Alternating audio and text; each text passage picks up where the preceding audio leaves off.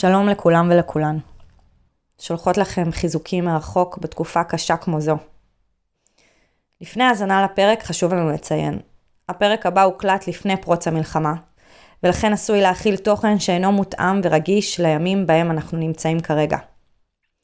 משתפות אתכם שהתלבטנו אם להמשיך להעלות פרקים שגרתיים בזמן המלחמה, והגענו למסקנה שאנחנו מאמינות שגם כשיש שיט גדול בסדרי גודל של מלחמה, ההתעסקות בשיט הרגיל, במרכאות, מהווה מקום למפלט מהשיט הענק הזה.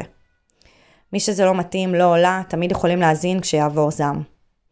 שולחות לכן ולכם אהבה מרחוק, יהב וסיוון.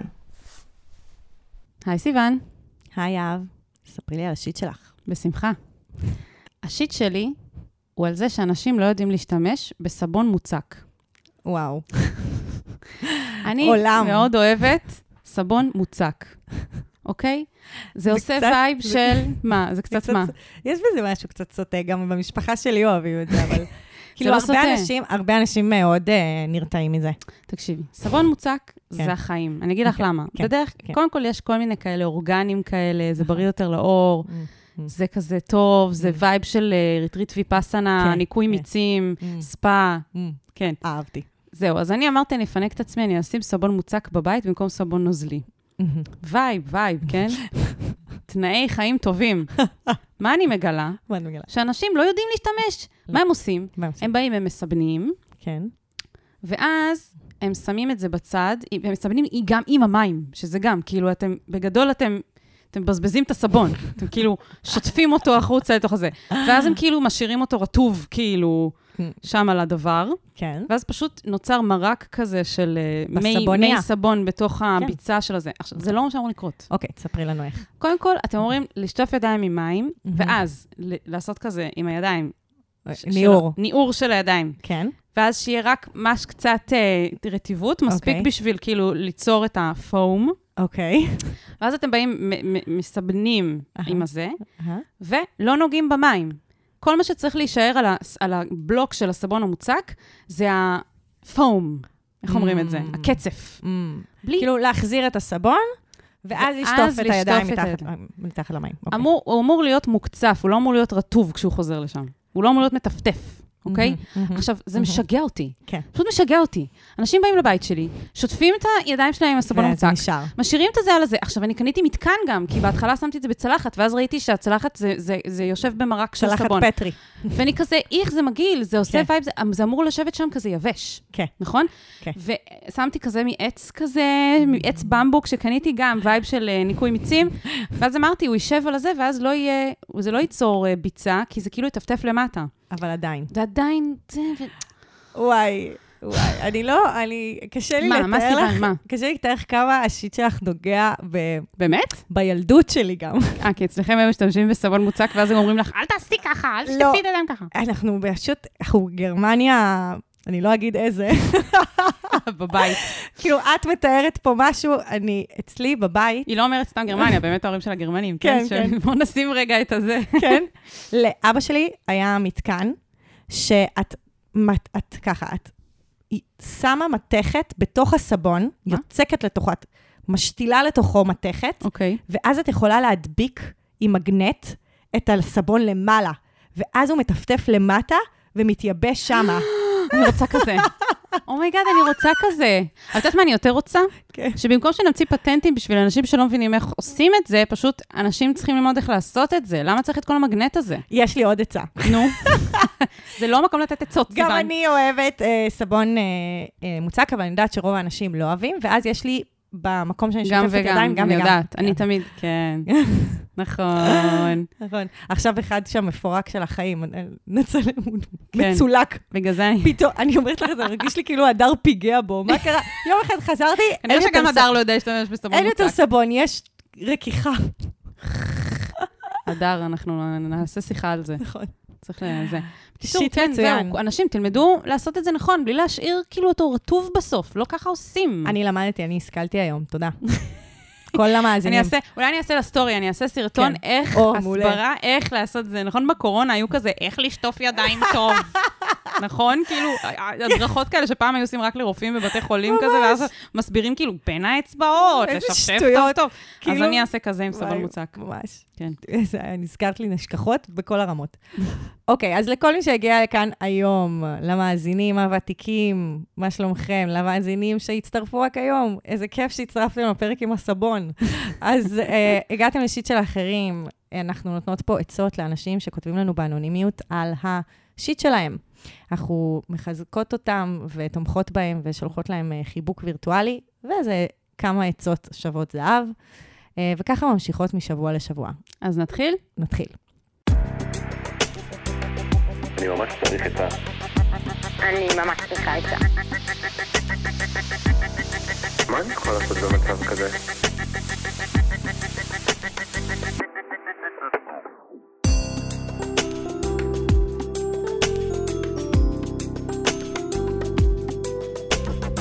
שיט של אחרים. יוליה בת 21. השיט שלי זה שיש לי חבר ואני מאוהבת בו על מעל הראש, וזה הדדי. אני גרה לבד בחו"ל, והוא הדבר הכי משמעותי שיש לי שם, ואני מרגישה שאני גדלה ומתפתחת ביחד איתו וטוב לי. הבעיה שאני יהודייה ישראלית, והוא ערבי מוסלמי, וגם מהגר במדינה שבה אני שואה. אנחנו יודעים שגם אם הכל ימשיך ויהיה מדהים בינינו, הקשר לא יכול להוביל לחתונה, כי ההורים שלו ככל הנראה לא יקבלו אותי. בכל פעם שאני מנסה להתקדם עוד קצת, כמו לעבור לגור ביחד או לפגוש חברים או משפחה, הוא שם מחסומים. או שהוא לא מוכן, או שזה לא מקובל אצלו בחברה. יש לציין שבפועל, אנחנו רוב השבוע אחד אצל השנייה. דיברנו כבר כמה פעמים על פרידה בעקבות המחשבה על להישאר עם מישהו בקשר רציני, שאת יודעת כמעט בוודאות את הסיבה שהוא יסתיים. אבל כל פעם שאנחנו מגיעים לנקודת שבר כזו, אנחנו לא מוכנים לשחרר. ובאופן אישי קשה לי עם זה. קשה לי עם הספק שעדיין לא ניסינו את הכל. מצד שני, המחשבה הזו לא מפסיקה לחזור לי לראש ולכרסם לנו בזוגיות. אני אוהבת אותו, אבל המחשבה שבסופו של יום כנראה הוא לא האיש של חיי, מעלה אצלי את השאלה הטורדנית אם ללכת או להישאר. אוי, איזה פנייה. אוי, איזה פנייה. הפנייה ליהב ארז?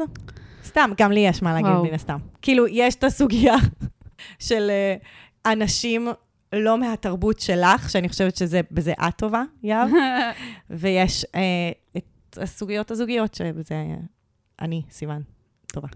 אז אני אפתח בזה שליבי יוצא אלייך, כי זה באמת נשמע מאוד קשה, כי מצד אחד אתם מאוהבים, ומצד שני, יש איזה ש... כל הזמן סימן שאלה עד כמה יש פה התמסרות ומחויבות. עד כמה אתם יודעים שזה לטווח הארוך באמת. וכמו שאנחנו יודעות ויודעים, בקשר שבו יש אהבה גדולה, ותמיד יש את השאלה הזאת, שכמו שאמרת, מכרסמת בזוגיות, האם באמת אנחנו יכולים להתחייב ולהתמסר, ואם אנחנו רוצים לבנות דרך משותפת ביחד, לחיות את החיים שלנו יחד, אז זה מאוד מאוד מקשה, גם אם יש המון אהבה. נכון. כלומר, אהבה זה לא מספיק, צריך איזושהי מחויבות. חשוב לי להגיד, השאלה הזאת היא לא טורדנית. היא כאילו נורא שיפוטית כלפי עצמה, שהיא ממשיכה להתעסק בזה. להפך, כאילו, מאוד הגיוני שאלה- שאת מתעסקת בזה, כן, זו שאלה אקוטית בתוך הקשר שלכם. ולי נשמע שאת מאוד לבד עם זה. כן. האמת שלגבי לבד, רציתי להגיד גם עוד משהו, מעניין שאמרת שאת מאוד לבד בתוך זה. את אמרת בהתחלה שאת גרה לבד בחו"ל, והוא הדבר הכי משמעותי שיש לך שם. שזה מדהים שיש לך מישהו שכל כך משמעותי עבורך שם, אבל המישהו הזה הוא הבן זוג שלך. והרבה פעמים אנחנו שמים על הבני זוג שלנו הרבה הרבה ציפיות שימלאו לנו המון צרכים שונים. הם צריכים להיות גם החברים, וגם המאהבים, וגם הזה, וגם וגם וגם וגם. בטח ובטח כשאנחנו רוצים להקים איתם משפחה ולחיות איתם חיים משותפים. ואני רוצה לשאול אותך, אה, עד כמה יש לך שם איזשהו בייס, איפה שאת חיה? כי הרי את מרוחקת מהבית שלך, וגם הוא, אבל עד כמה את מאמינה שאת יכולה לייצר כזה במידה ואין לך? אני שואלת את עצמי, האם יש לך שם חברים שגורמים לך להרגיש בבית? האם יש לך שם בעבודה, אה, בסביבה שלך, בקהילה, במעגלים סביבך, האם את מרגישה שאת בבית, או הוא הדבר היחיד שגורם לך להרגיש שזה כאילו הבית, Mm. במקום אומרת- הזר הזה. ואז את אומרת, יש בזה משהו שגם מטשטש את מה שקורה ביניכם. בדיוק. כי אני אומרת, אם יש איזו תחושה, גם הוא וגם את, אני, אגב, אני לא בדיוק הבנתי אם המשפחה שלו נמצאת שם איתו, כי אמרת שהוא מהגר במדינה הזאת, או שהמשפחה נמצאת ב... במקום אחר. במקום אחר, Mm. אבל uh, זה גם כמובן משפיע. כלומר, עד כמה לכל אחד מכם יש גב ויש תמיכה ויש בית במקום שהוא רחוק מהבית, מהמם. ועד כמה יש איזושהי ציפייה, שזה גם איזשהו, נקרא לזה, עוד אה, מטען על הזוגיות, עד כמה כל אחד מכם צריך או מצפה שהשני יהיה עבורו הדבר הזה, הקהילה, הבית, הגב, נכון, במקום הזר הזה ששניכם נמצאים בו. נכון. אמנם בנסיבות שונות, כן, וגם נדבר על יחסי כוח, אבל כן, זה דרך ממש יפה להסתכל על זה. תודה. אז באמת הייתי עושה בדיקה, לשאול את עצמי, האם הבית שלי רחוק מהבית זה רק הוא, או שיש לי עוד אנשים ו- ומעגלים? קהילה להישען עליו. בדיוק, כן.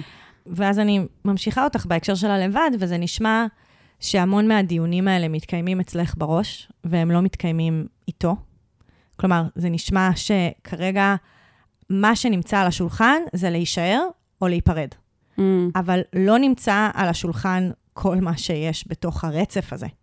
כלומר, איך אתם, אה, כאילו, אני מתארת לעצמי שיש גם, נד, גם עוד נדבך של כמה הקשר הזה רציני כדי שתדברו עליו בכזאת רצינות, כי היא גם מעלה את החששות האלה. כלומר, כן. אולי הוא לא רוצה להתקדם כי הוא עדיין לא שם בתוך הקשר. כן, אולי בעצם מלבישים פה כל מיני דברים תרבותיים על דברים שהם הרבה יותר פנימיים. כן. אני לא מוכן להתמסר, אבל אני כאילו סוג של מתרץ את זה על זה שזה לא, לא. מקובל בתרבות שלי. אני לא חושבת שזה מתירוץ. אני חושבת ש... אולי זה גם שהוא וגם. לא, לא, אני חושבת שזה שהוא לא מוכן עדיין להתמסר, שזה הגיוני ביחס לכמה זמן שהם ביחד, לא מאפשר לו לדבר שיח רציני ועמוק על המשמעויות ה- של הפערים התרבותיים. גם? יכול להיות, כן. כאילו, אני לא חושבת שזה תירוץ, אני חושבת שהוא פשוט, זה, זה דורש, תחשבי מה זה, זה, זה, זה דבר עצום, זה דורש המון יכולת, זה דורש המון ויתור, וצריך גם להיות במקום בקשר שבוחר בכלל בקשר ובוחר להת, לעשות את כל המאמצים האלה. כן. ועל אחת כמה וכמה, אם אתם, כל אחד מכם, לבד בתוך הדבר הזה, גם במובן של אתם לבד במקום הזר שאתם גרים בו, אז זה רק הופך את הקשר להיות עוד יותר איזשהו משהו שכאילו שמים עליו את כל, אה, את כל ה... משליכים עליו את כל יהבנו, מה שנקרא. משם השם שלי. כן. אבל זה נכון. זה נכון. וגם, יש כל מיני דברים שכדאי לשאול אותם. נגיד, כשאתם מחליטים שאתם לא משחררים, נכון? הם כל הזמן כאילו אומרים שלא, ואז נכון. מחליטים ש... ואז הם כן נשארים, ואז... מה קורה שם? כי באמת זה נשמע שאתם לא חיים את הבעיה הזאת ביחד. בגלל זה את חווה את זה כטורדני. כי את בעצם, זה מעגל סגור בינך לבין עצמך, וזה לא משהו שקורה יחד איתו. ואני חושבת שיש, בשביל שאתם תוכלו להרגיש את עצמכם, יש עוד הרבה רמות בתוך זה של נפרדים או נשארים. דיברנו עם חברינו. אה, יש לנו כמה חברים שהם במצבים דומים, כן. של אה, מערכות יחסים אה, בין-תרבותיות. אה, שבהם המשפחה לא בהכרח תקבל את זה. בדיוק. כי אני חושבת שתמיד יש את- אתגרים, שזה בין-תרבותי, אבל זה, זה סיפור שונה כשהמשפחה, אחת המשפחות, או לפחות אחת, לא תקבל את זה. וקצת דיברנו איתם וקיבלנו איזשהו אה, מושג על, על הרצף. כלומר, מה יכול להיות בין ההחלטה להישאר לבין ההחלטה להיפרד. כן. אז קודם כל נגיד שהחברים שהתייעצנו איתם, הם אה, חיים פה, והם כן. חיים את הסיטואציה פה, והם כולם בבית שלהם, הם לא במקום זר, כן? Mhm, mhm. אה, גם אם הם מתרבויות שונות, הם, הם, ב, הם חיים עם הקהילות שלהם, עם המשפחות שלהם, וזה באמת גם הופך את זה לעוד איזושהי מורכבות. אתם שניכם נמצאים רחוק מהבית. לא כל כך ברור לי ממה שכתבת, אם אתם שניכם רחוקים מהמשפחה שלכם ומהקהילת בית שלכם, קהילת מוצא. אבל, מבחירה אה, או לא גם. כן, גם אם, זה מבחירה, אם זה לא מבחירה, גם אם אחד מכם נמצא שם מבחירה והשני לא נמצא שם מבחירה, אז יש איזה שהם יחסי כוחות גם, שצריך uh, לתת על זה את הדעת. אבל התייעצנו גם עם uh, גבר וגם עם אישה, Hmm. חברים שנמצאים ביחסים uh, מהסוג הזה. אז החברה שהתייעצנו איתה, uh, היא אומרת, בן זוג שלי ואני, אחרי תקופה ארוכה וקשה, שזה היה נושא השיחה העיקרי שלנו. והחלטנו להתמקד בנו ובתקשורת בינינו ולחיות את ההווה ולנסות ליהנות ממנו עם כל הקושי שיש. ובנימה ממש אישית, אני באמת מזמנת לעצמי מציאות שבה נוכל לחיות ולהיות יחד עם קהילה שכן בוחרת בנו וסובבת אותנו ותומכת בקשר שלנו. Mm. ובכנות, אם לא היינו מוקפים בכזה חום ואהבה, היינו ממש מתקשים לתחזק את היחסים שלנו. וואו. שזה חוזר למה שאמרתי על קהילה, אה, גם במובן שכל אחד מכם יהיה לו את הקהילה, ושהוא לא יהיה תלוי רק בבן הזוג, מהמם. אבל זה גם מהמקום של, ברגע שיש קהילה שתומכת בזוגיות הזאת, אז זה משהו שמאוד מאוד מחזק, ועושה את כל ההבדל. זה מדהים, וגם מאוד, כאילו זה ממש יפה לראות, לקרוא מה שהיא אה, אומרת, בעיקר בתקופה שאנחנו נמצאות בה בישראל. כן. כאילו אי אפשר להתעלם בזה שהבחירה להיות עם בן אדם שונה ממני, וכן לנסות לצלוח את זה, יש בזה גם אמירה שמאמינה בזה שאנחנו יכולים לחיות עם אנשים ששונים מאיתנו. כן. ושוב אני חוזרת לשאלות על דברים שאנחנו לא יודעים, שלא פירטת, אה, יוליה, בתוך הפנייה. האם יש לכם חברים משותפים? האם יש לכם חברים משותפים שהם גם זוגות? כאילו כל מיני שאלות שעולות לי על איפה אפשר לבנות איזושהי, אה, איזשהו מעגל תומך מסביב, או בדיוק. עד כמה זה קיים או לא קיים, ואיך אפשר לבנות את זה.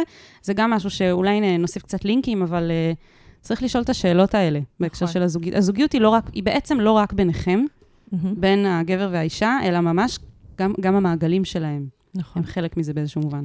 שזה מרים לי להנחתה למי שאני דיברתי איתו, שהוא בעצם אמר שמה שמאפשר לו להיות ב, בתוך הזוגיות הזאת כרגע ולהמשיך לקיים אותה, זה בזכות זה שהם לאט לאט נחשפו לכל מיני מעגלים שכן ידעו שיכילו אותם. וזה, כי, כי יש משהו באמת בפנטזיה שאתם בתוך בועה. ו, ואף אחד לא יודע, ואז יש איזו חוויה שבאמת העולם לא יקבל אתכם. אבל זה קצת כמו שאנחנו מדברות פה לפעמים על יציאה מהארון, ושצריך לצאת מהארון קודם אצל המעגלים שיתמכו בנו ויכילו אותנו, ורק בסוף את, ה, את הארון הכי קשה. כי אה, כבר לארון הכי קשה אנחנו נגיע עם, עם גב ותמיכה וקהילה ו, ואיזשהו חוזק להתמודד עם, ה, עם הקושי הכי קשה בתוך זה. כן. ואז לשאול, רק לשאול מי האנשים שאתם יכולים לשתף אותם. כלומר, החבר שאני התייעצתי איתו אמר שהם שיתפו את האחיות, כי האחיות היו פתוחות לזה, והם ידעו שהם יכולים לשתף אותם, והם חלק מהקהילה. יש להם חברים שהם כולם בתוך, באותו שיח, באותו מאבק, והם כולם בעצם מקיפים אותם, אז הם בעצם לא חווים את הזוגיות שלהם כל כך תלושה, Mm, בגלל בעצם ה- ה- החברים. כן. וגם הוא אמר עוד משהו, שאני ממש uh, התחברתי אליו, ואני יכולה להגיד את זה גם uh, מחברה שיש, שבזוגיות לא עם uh, קשיים uh, תרבותיים שאחד לא, של משפחה אחת לא תקבל, זה העניין השפתי. כי בעצם כשאין לנו שפה משותפת, uh, שאנחנו לא מכירים את השפה של בן או בת הזוג שלנו, יש לנו שם איזושהי חומה. וללמוד את השפה, זה גם ממיס את החומות האלה, וזה גם מראה לצד השני, למשפחה השנייה, שהצד השני הוא, הוא שם, הוא מוכן. הוא עושה מאמץ. הוא עושה מאמץ להתקרב לתרבות ולאדם שנמצא מעבר לגדר, מעבר, לה, מעבר להפרדה הזאת שאנחנו בני האדם יוצרים בין התרבויות. כן, גם לפעמים יש יחסי כוחות בתוך זה. כי למשל, אם השפה המשותפת שלכם היא אנגלית, אני מדמיינת, אז בעצם יכול להיות שהאנגלית של אחד מכם יותר טובה משל השני. ואז אני שמעתי פעם ממישהי שהיא הייתה בזוגיות עם מישהו שהוא מתרבות אחרת ממנה ומשפה אחרת ממנה, שהיא אמרה, זה לא היה פייר, כל הזמן היינו רבים בעברית, ואז תמיד הייתי מנצחת, כי העברית שלי יותר טובה. אוקיי? הייתי מנצחת בריבים, כי יש לי איזשהו יתרון מבחינת השפה, מבחינת איך אני מתבטאת. עכשיו, אני חושבת שלתת לבן אדם להתבטא בשפה שלו, בשפה, שפת האם שלו, זה גורם לו להרגיש בבית. ואז כשאנחנו מבינים את השפה הזאת, אנחנו לא צריכים להתבטא בשפה הזאת, אבל אם אנחנו, יש לנו יכולת אפילו להבין, את יפה. יודעת, לא תלמדי עכשיו בחצי שנה, שנה את כל השפה על בוריה במצב שאם אתם יכולים לנהל דיאלוג ממש. אבל אני חושבת שלהתקרב, ללמוד מילה פה, להתחיל ממילה פה, מילה שם. גם שפה היא פותחת עולם לתרבות. ברגע שלומדים מושגים מסוימים ודברים שהם מאוד קריטיים כדי להבין את התרבות, פתאום יש קרבה כזאת שמאפשרת לפתוח דלתות. כן, גם אחד עם השני וגם אולי עם המעגלים הקרובים שמגיעים מהתרבות הזאת. נכון. זה ממש יפה. אני גם רוצה להגיד משהו על העניין הזה של לעבור לגור ביחד. אני חושבת שיש פה אולי גם פער תרבותי. אני חושבת שיש פה הרבה דברים, אבל יכול להיות שיש גם פער תרבותי. יש תרבויות שבהן זה לא מקובל לעבור לגור ביחד לפני שמתחתנים, ויש תרבויות שבהן זה מאוד מקובל, כמו כנראה התרבות שאת מגיעה ממנה, אוקיי? ואת אומרת, that's the next step. אם אנחנו ככה מאוהבים ואנחנו בזוגיות ואנחנו רואים אחד את השני ככאילו הדבר הכי חשוב שיש לנו, אז למה אנחנו לא גרים ביחד? והתשובה היא, יש, יכול להיות הרבה דברים. יכול להיות שקשה לכם להתחייב ולהתמסר, ויכול להיות המון דברים, וגם יכול להיות שפשוט לצד אחד זה באמת קצת לא הדבר הטבעי ולא הדבר המרגיש נכון לעשות, Mm. ולא לא, לא רגיל לזה. וזה לא, ואי אפשר, ולא כדאי לפרש את זה כמו שאת מפרשת את זה בעולם הדייטינג שאת תופסת. כן. כן. כאילו, את אמרת שהוא מהגר במדינה הזאת, יכול להיות שבמקום שהוא מגיע ממנו זה לא רק בר- ברמה של לא מקובל, אלא לא הוא. הוא לא יודע איך עושים את זה, הוא לא יודע איך עושים moving in mo- together. כן, אין לו מודל, modeling לזה. כן, אין לו, אין לו reference, הוא לא עשה את זה בחיים עם מישהי, הוא לא מכיר אולי אף אחד שעשה את זה. את מבינה? כאילו, יכול להיות שמשהו שהוא טבעי עבורך והוא ה-next step בשבילך, בשבילו זה איזשהו משהו שהוא קצת זר, וצריך גם לקחת את זה בחשבון. אני לא אומרת שזה כל מה שקורה כאן, אבל אני אומרת, נקודה למחשבה, יכול להיות שזה פשוט לא, לא מרגיש לו כאילו זה מה שעושים כשמחויבים. כן. אולי מה שעושים כשמחויבים זה, זה דברים אחרים. בקיצור, השורה התחתונה היא תקשורת, תמיד. תמיד.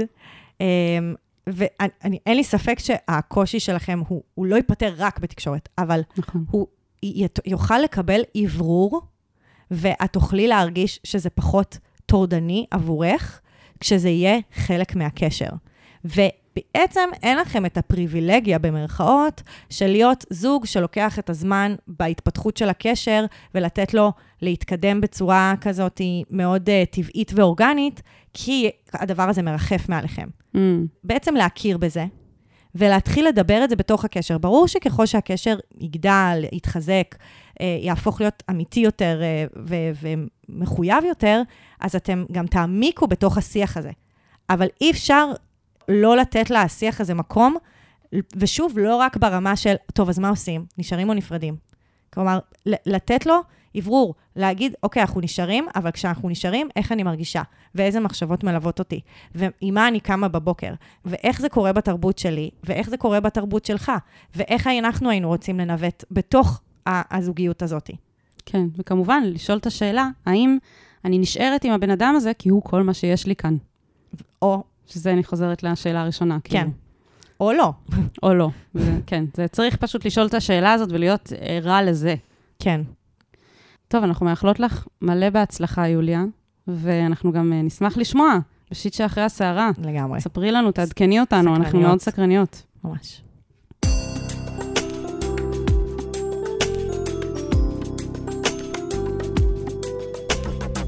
שיט של אחרים. הפנייה הבאה היא ממיסטי, בת 29. היי לכן, יש לי שיט קצת מוזר, ואולי הוא ייתפס כקטן, אבל האמת שהוא די שיטי בחיי. אני נתפסת כחמודה. אף פעם לא ראיתי את עצמי מבחוץ, אבל אני מקבלת הרבה מאוד פידבקים של את חמודה, במובן של את ילדה קטנה ומתוקה. על דברים שאני אומרת ברצינות. אני לא שומעת ציניות בקולם, אבל זה לא נעים לי. אני מרגישה שמקטינים אותי, ואני בעיקר לא מבינה למה תופסים אותי ככזו. אני מניחה שאני נתפסת כילדותית בהרבה מקומות, על אף שאני לא מרגישה ככה. ולמה זה שיט? לא תופסים ממני במקומות העבודה שלי כבחורה רצינית, ושיש להתייחס אליי ולמילה שלי בכבוד, או לפחות כשווה. בנוסף, אני לא מצליחה ליצור חברויות עם בנות גילי. עם נשים פוטנציאליות שאני רוצה להתחבר איתן, תמיד הן מפרגנות לי, אבל לא בקטע חברי. למה זה מרגיש כמו פרגון לאחות קטנה או למישהי עם מוגבלות שכלית כלשהי? משהו בנוסח, כל הכבוד ומגיע לך, דברים שלא הייתי אומרת לחברות אמיתיות בנימה הזו. הבעיה היא בעיקר החברויות עם הבנות שהייתי רוצה ליצור. אני מוצאת את עצמי בסופו של דבר מתחברת לבנות 20 יותר ממה שאני מתחברת לבנות גילי. זה מתסכל, מעציב ומרגיש בודד. כן, יש לי שפה משותפת עם בנות ה-20, אבל אני גם לגמרי במקום אחר בחיים. אני עצמי לא רוצה להשתנות. יש דרך שבה המכרות שלי יתפסו ממני יותר, שנוכל להתחבר בגובה העיניים, שהם יראו אותי, שהם יבחינו בכך שאנחנו יכולות להיות חברות אמיתיות ושוות? היי, מיסטי. Um, כמו השם שלך, כזה מיסט, כאילו שיש כזה איזשהו ערפל, נכון? ככה אני מרגישה שאת חווה את החיים שלך. אה, אני חשבתי שזה מיסטיקה. אה, אבל זה גם קצת... אה, מיסט זה ערפל, נכון? כן, זה גם, כן. אז ככה זה נשמע באמת שאת חווה את החיים שלך. כלומר, אני שומעת בתוך הפנייה שלך המון חוסר הבנה וידיעה לגבי למה הדברים האלה קורים לי ככה. כלומר, אני חיה בעולם הזה, אני מתנהלת בעולם הזה. ויש דברים שנסתרים ממני, מטושטשים לי, לא ברורים לי, וקודם כל, זו חוויה קשה. כאילו, זו חוויה קשה להסתובב בעולם שאני לא מצליחה עד הסוף להבין למה מתייחסים אליי בצורה כזאת. כן. וגם יש לי כאילו פקפוק בעצמי, כי מצד אחד אני אומרת, אבל אני לא מרגישה שאני איזה מישהי קטנה וילדותית וחמודה וזהו. מצד שני, אני מרגישה שיש לי שפה משותפת עם הבנות ה-20, ואני לא מרגישה שיש לי שפה משותפת עם הבנות גילי. אז כאילו, זה כאילו, האם זה רק מסר מבחוץ? האם זה גם משהו מבפנים? האם באמת אני באמת יכולה להתחבר לנשים יותר צעירות? כאילו, כן. יש. פה קצת, אה, הפקפוק העצמי הזה, זה גם מאוד אה, קשה. אני אגיד שבאמת, זה נשמע שבתוך הפנייה שלה היא לא עד הסוף מבינה למה היא עוברת את מה שהיא עוברת, ושבעצם הדבר שהכי חסר לה בחיים זה שיקוף אמפתי ממישהו שהיא אוהבת. מהמם. כי בעצם הדבר הזה שהיא שואלת אותנו, היא צריכה לשאול מישהו שהיא סומכת עליו, לשים רגע צחוק בצד ולשאול, אני באמת לא מצליחה להבין למה. למה מתייחסים אליי ככה? מהמם. וכשהיא תשאל שאלה כזאת בגובה העיניים, שזה מה שהיא שואפת להיות, נכון? נכון. היא שואפת להיות בגובה העיניים עם אנשים, והיא לא מרגישה שהיא בגובה העיניים. וברגע שהיא תצליח לשאול שאלה בגובה העיניים של למה מתייחסים אליי ככה, כאילו כשהיא תמצא את הבן אדם שייתן לה את השיקוף האמפתי הזה, אז יכול להיות, תשמע, אמיתה מאוד קשה ביחס למה שהיא שואלת. כן. אבל זה מה שאנשים מבוגרים עושים.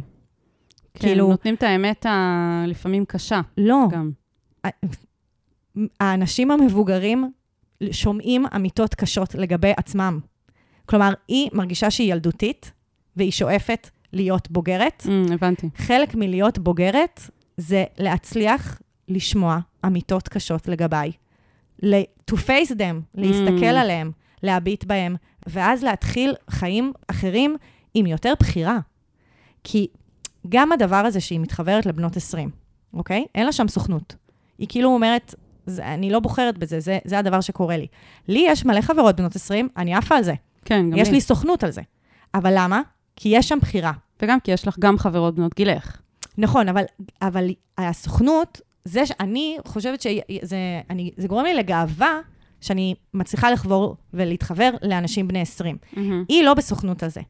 וזה קשור לכל הסיפור הזה של אה, לפגוש את הצללים שלנו. כן. כאילו, האמיתה הקשה הזאת, שהיא רוצה לשמוע, ואנחנו רוצות שהיא תשמע מהשיקוף אמפתי הזה, זה בעצם לפגוש את הצל שלנו. אנחנו הרבה, כולם, כל בני אדם, מסתובבים עם צל. צל זה ה, בעצם החלקים החשוכים בנו, שאנחנו לא רוצים לפגוש. כן. שהם החלקים שאנחנו לא אוהבים בעצמנו. אבל בהיכרות עם הצל, טמון פוטנציאל עצום, כי כשאנחנו בסוכנות על החלקים הלא טובים בנו, ואנחנו בקשר איתם, אנחנו מכירים אותם ומיודעים לגביהם, ועובדים איתם. ועובדים איתם, אנחנו בעצם יכולים גם למ- למצוא את הדברים החיוביים שטמונים בהם. מהמם. למשל, זה שאת מצליחה בקלות להתחבר לנשים בנות 20, אומר שיש בך חלקים אה, ספונטניים, יצירתיים, אה, ככה מאוד, לא יודעת מה, נגישים, אה, בגובה העיניים. כלומר, יש שם משהו, יש שם המון חלקים גם יפים, אבל שבגלל שאת לא בהכרח בקשר עם מה, מה מייצר את זה, אז גם עליהם אין לך סוכנות. Mm, מעניין. ממש. זה לא חשבתי על זה ככה, סיוון לוטן. אני אגיד שאני נעזרתי בהדר, כי ממש הרגשתי שאני מבינה את זה ואין לי דרך לבטא את זה, והדר הביא את העניין הזה של הצללים, שזה באמת, נכון. זה חתיכת דבר, כי זה באמת כואב לפגוש את הצללים שלנו, אנחנו באמת בורחים מהם כל הזמן ולא מסתכלים עליהם, אבל לפגוש אותם ולעשות איתם עבודה, זה, זה, זה הופך אותך לבן אדם עם יותר בחירה בעולם הזה. כי יכול להיות שאחרי שאת תפגשי את זה, אז את באמת תרגישי בחירה בחברויות שלך עם בנות ה-20, אבל יהיה לך גם אפשרויות אחרות, בדיוק כמו שאמרתי, אב. כאילו, כן. יש לך גם וגם. כן. אני חושבת שזה גם... אה, הקטע הזה של להיתפס כילדותית, שזה גם מפריע לך ברמה החברתית, וזה גם מפריע לך בעבודה, זה ממש העניין הזה של מי אני מרגישה מבפנים ואיך תופסים אותי מבחוץ, והפער בין זה, וגם התעסקנו בזה בעבר, בזה ש... את יודעת, כמו שיש לי את, ה... את התסמונת אה, מתנחלת ביונסה, שמבפנים אני ביונסה ומבחוץ אני נראית מתנחלת, ואז אה, בעצם אני מרגישה שהעולם רואה אותי אחרת, אוקיי? להבדיל, כן? אבל את רוצה שיראו בך את האישה הבוגרת והחכמה, או מוכשרת, או את יודעת, ש, שאפשר אה, לפנות אליה והיא תדע לתת אינפוט, ומרגישה שמבחוץ לא רואים בך את מה שאת רואה בעצמך. כן. ואני חושבת שזה מפריע לך גם במובן הזה של הפער, של אני רוצה שיראו את מי שאני, וגם במובן הזה של אני רוצה שיקחו אותי ברצינות ושיראו את הערך שבי. נכון. אבל ההבדל, אגב, בין מה שאת אמרת לגבי עצמך, של הביונסה והמתנחלת, Mm-hmm. זה שהיא לא ממש מצליחה להבין אה, את הדמות של המתנחלת. Mm, כן, היא אמרה אפילו, אה, אף פעם לא ראיתי את עצמי מבחוץ. נכון. וזה זה בעצם מה שאת- אומרת לה. בדיוק. יהב, זה שאת מבינה. שאת נראית כמתנחלת לפעמים. ומה זה אומר? ואיזה דברים את משדרת בתוך זה, ובעצם אולי את נראית ילדה טובה, למרות שאת כאילו פרועה מבפנים, אולי את נראית... זה החלקים שמדברים בין הצל לבין ה... אה, נכון. האיכויות שלך. ו- ושמה זה ה... כי עכשיו, את בעצם, כשאת מדברת על זה, את מדברת על זה עם סוכנות. כאילו, את אומרת, אני מרגישה ביונסה מבפנים. וכאילו, מי שיזכה, יזכה לראות את זה. וזה המקומות שהיא, בגלל זה ההתיידדות עם הצל, היא בעצם גם הסוכנות.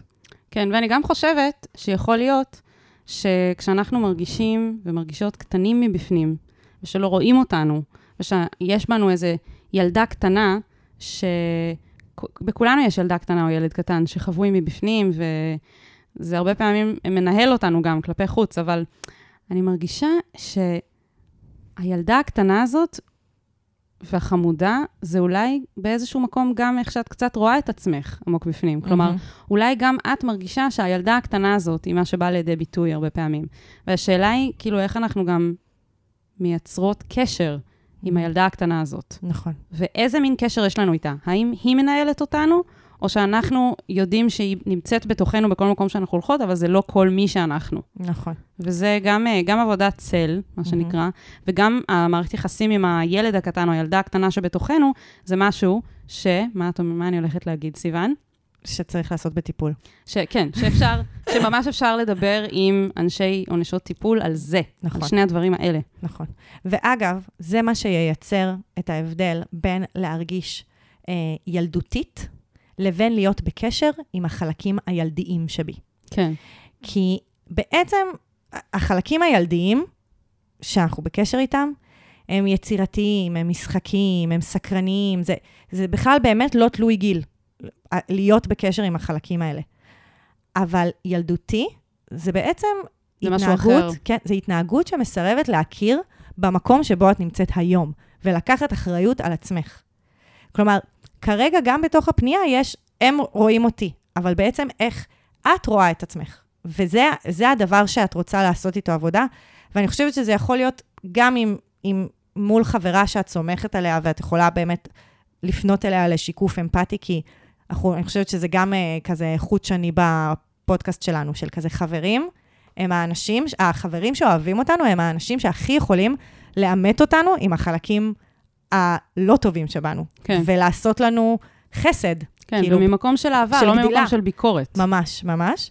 וכמובן בטיפול, שזה מרחב מדהים אה, לעשות כזאת עבודה. לגמרי. ספציפית לעשות כזאת. לפגוש את הצל שלנו, לפגוש את החלקים הלא מודעים שלנו, אה, להיות בקשר עם הילדה שבך. כאילו, זה קלאסי לטיפול. כן. אז כמו הרבה פעמים אנחנו כן. ממליצות על טיפול, ואנחנו ממליצות על uh, תמיכה של uh, חברים וחברות מבחוץ, מישהו שאת סומכת עליו. זה תמיד טוב. נכון, אז שיהיה לך בהצלחה, מיסטי. אנחנו נשמח לשמוע, נכון. תעדכני אותנו. ויש לנו גם uh, מישהו שבאמת עדכן אותנו. נכון. בפינתנו, שיט שאחרי הסערה. זה בעצם שיט מפרק אה, 144, שיט מהגיהנום, בו אירחנו את אורי רונן, שהוא uh, מהפודקאסט ההופעה מהגיהנום, ושם מר שבלול פנה אלינו. הוא אמר שהוא נופה מהנבחרת הארצית בתחום שהוא אוהב ומתאמן בו באופן תחרותי, ולא יודע מה לעשות עכשיו שהוא איבד את המקום שלו בנבחרת, וגם כולם מנחמים אותו מסביב. אנחנו בזמנו חשבנו שמדובר כן. בספורט, כן, אנחנו עשינו שם ניחושים אה, של נכון. מה הוא, זה היה מעניין. ועכשיו הוא חזר אלינו, גם כיף. חשף בפנינו מה זה באמת היה, וגם סיפר לנו על התהליך שלו אחרי שהוא שמע את הפרק, ו... נכון. בתקופה הזאת. אז הוא אמר לנו, היי, שוב, זה אני מפרק 144. קודם כל רציתי להגיד תודה על העצות. לשאלתכן בפודקאסט, הנבחרת היא של מקצוע במדעים מדויקים, ולא ספורט. או, התגלתה התעלומה.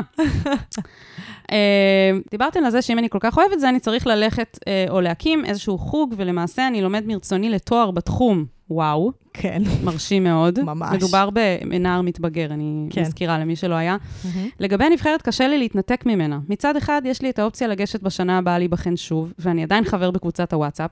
מצד שני, התקופה שאני לא בנבחרת נתנה לי להתרכז בלימודים בתואר ובתחביבים, והפחיתה ממני לחץ, ואני חושש שאם יתקבל, אז לא רק שיתווסף לחץ, אלא גם מרגיש פומו מסוים, שכולם היו ביחד ורק אני מגיעה אחרי שנה שלא הייתי. Mm. זה גורם לי להרגיש מבולבל. היה לי מאוד כיף כשלמדתי בנבחרת, אבל זה כן היה מתיש. והייתי חוזר מהלימודים מאוחר בלילה, אחרי שקמתי בחמש וחצי בבוקר ללמוד. ובנוסף, יש את החשש שכולם מגובשים, וזה מאיים, ורק אני, שרק הגעתי ויודע ומתמקצע פחות מהם, לא יהיה באותה רמה שלהם. אני אף פעם לא מרגיש שאני פחות שווה ממישהו, וזו פעם ראשונה למעשה. אני יודע שהייתי וכנראה עדיין בטופ של הנערים בתחום שלי בארץ, אבל עדיין זה מרתיע, ותחושה שפספסתי הרבה גורמת לי לחשוב על זה. מה גם שבהמשך חשוב לי להתקבל למסלול טוב בצבא שעוסק בזה, ואני חושב שזאת תהיה נקודת ציון טובה להמשך. עכשיו, הוא כאילו הפך את השיט שאחרי הסערה לעוד פנייה. כן. האם אני צריך לנסות שוב להתקבל לנבחרת בשנה הבאה, או להתמקד במה שיש לי כרגע, בהתחשב ביתרונות ובחסרונות של כל דבר. אני חוזרת למה שדיברנו עליו גם בפרק ההוא. אני חושבת שזה לא שונה. אני ואורי לא הסכמנו על זה, כן. אבל המקום הזה שכל הזמן שואף להיות הכי טוב, אני בש... כאילו, שנים האחרונות ממש שמה עליו המון סימני שאלה. אה, זה מסר סופר קפיטליסטי, ושגורם להמון נפשות של בני אדם לא להצליח ליהנות ממה שקורה בכאן ועכשיו וליהנות מההווה. ולי זה נשמע שהמקצוע הזה עושה לך טוב ונעים. אה, ל- ללמוד אה, לתואר ללמוד. בתחום. כן, כן. כן. כאילו, הת- ההתעסקות בתואר עצמו, זה מעניין אותו, זה מחיה אותו, זה מדהים. זה בסוף, דיברנו על זה גם אז, זה בסוף, אתה אוהב את הדבר, את התחום. נכון. מה שחשוב זה שתהנה. ואתה נכון. מתאר פה תקופה כשלא היית בנבחרת, ושיש לך הזדמנות לחזור אליה, פתאום אני מבינה שנורא נהנית מהתקופה הזאת. פחות לחץ, התעסקת במה שאתה אוהב, אז אמנם לא היית בטופ מבחינת, את יודעת, על הנייר, כאילו, אבל עשית את מה שאתה אוהב, ואתה ללא ספק מתקדם בתחום, ואתה, כמו שאמרת, אתה עדיין בטופ של הנערים בארץ. אוקיי, אז לא תהיה בטופ של הטופ. כן. אבל אתה עדיין מתקדם מאוד בתחום נכון. בשביל, לגילך ולמצבך, ואני גם חושבת שכאילו, אנחנו, יש לנו המון זמן, כל חיינו לפנינו, להתעסק בתחום שאנחנו אוהבים ולעבוד קשה, ואתה בגיל שבו אני חושבת שזה ממש לגיטימי גם שיהיה לך חיים, ותהנה, ותלך ותעשה את, ה, את, ה, את האקסטרה ותלמד בתחום, אבל אני חושבת כאילו, גם זה שהוא מתיש יכול... אותך. לא, אני גם חושבת שהוא יכול ללכת שוב לנבחרת. כי כן, הוא גם אין אומר סיבה שהיה לו שלא, כיף אבל- עם החברים, והפומו והעניינים והזה. כן. אבל, אבל ה, ה, אני חושבת שמה שיכול להיות שם בפנים, וזה באמת המסר של הפרק ההוא, ואנחנו נחזור עליו שוב, זה להיות בקשר עם מה שעושה לך טוב בכאן ועכשיו. כי אם אתה תתעסק בדברים שעושים לך טוב, ואתה אוהב אותם, ויש לך תשוקה לגביהם, זה להיות הכי טוב. זה נכון. כאילו, זה להיות in your game. כן, והמחשבות האלה על מה יהיה, ומה אני אעשה בצבא, ומה יהיה אחר כך, וזה... עזוב את זה, אתה עכשיו לומד לתואר בתחום כי, זה, כי אתה אוהב את זה, לא כי אתה רוצה לרכוש את לא, התעודה וכי הזאת. אתה מוכשר כבר. אתה כבר אה, קיבלת המון המון המון אה, פידבקים מהסביבה שלך, על זה שאתה באמת מוכשר בדבר שאתה עושה. וזה אומר שיוכלו, ב- כל עוד תהיה מחובר לזה, יראו את זה גם בצבא, נכון. ויראו את זה בתואר ש- הבא שתעשה, ויראו את זה בראיונות עבודה. כאילו, אני חושבת שזה ה... וזה באמת קשה בחברה קפיטליסטית, נכון. לא לרצות להיות כל הזמן הטופ של הטופ. כן, אני חושבת שפשוט מה שצריך להניע זה ה, לא המחשבות על, על, על איזה מקום אני אהיה, ועל מה זה ייתן לי ומה אני ארוויח מזה, אלא מה עושה לי טוב, מאיזה, האם זה מגיע מתוך תשוקה, ואם זה מגיע מתוך תשוקה, אז התשובה היא כן. נכון. אז תודה שכתבת לנו ושאלת אותנו שוב. כן. אה, ואנחנו מזמינות אתכן ואתכם, אה, פונים שכבר פנו, לשתף אותנו ב shit שאחרי הסערה שלכם. וגם בפניות uh, של shit שלכם. נכון. אתם רוצות ורוצים עצות, דברו איתנו, יש לנו פה טופס אנונימי למטה, בתיאור של הפרק, איפה שאתם לא שומעים את זה, יש לנו בקבוצת פייסבוק שלנו, שיט של האחרים יוצאות לחיים עצמם, גם פוסט נעוץ, אפשר להיכנס לשם ולהצטרף. ואם אתם רוצים ורוצות לשתף אותנו ב shit הקטן שלכם, כמו שיש בתחילת הפרק, אז אפשר להקליט לנו הודעה בפרטי באינסטגרם, ואולי תהיו חלק מאחד הספיישלים שלנו, של השיט הקטן. שיט קטן. שיט קטן, כל אחת סוחבת איתה שיט קטן. כמו הפניות שלנו בתחילת הפרק. כן, כיף איתה, נכון? לגמרי. אז אתם גם יכולים להיות חלק מהכיף הזה, ואל תשכחו לדרג אותנו חמישה כוכבים, לא משנה איפה אתם שומעים ושומעות את זה, זה מאוד מאוד יעזור לנו, וזה יעזור לעוד אנשים לקבל את הפרספקטיבות האלה ואת העצות. נכון. יאללה, ביי. יאללה, ביי. אני ממש צריך את ה... אני ממש צריכה עצה. מה אני יכול לעשות במצב כזה?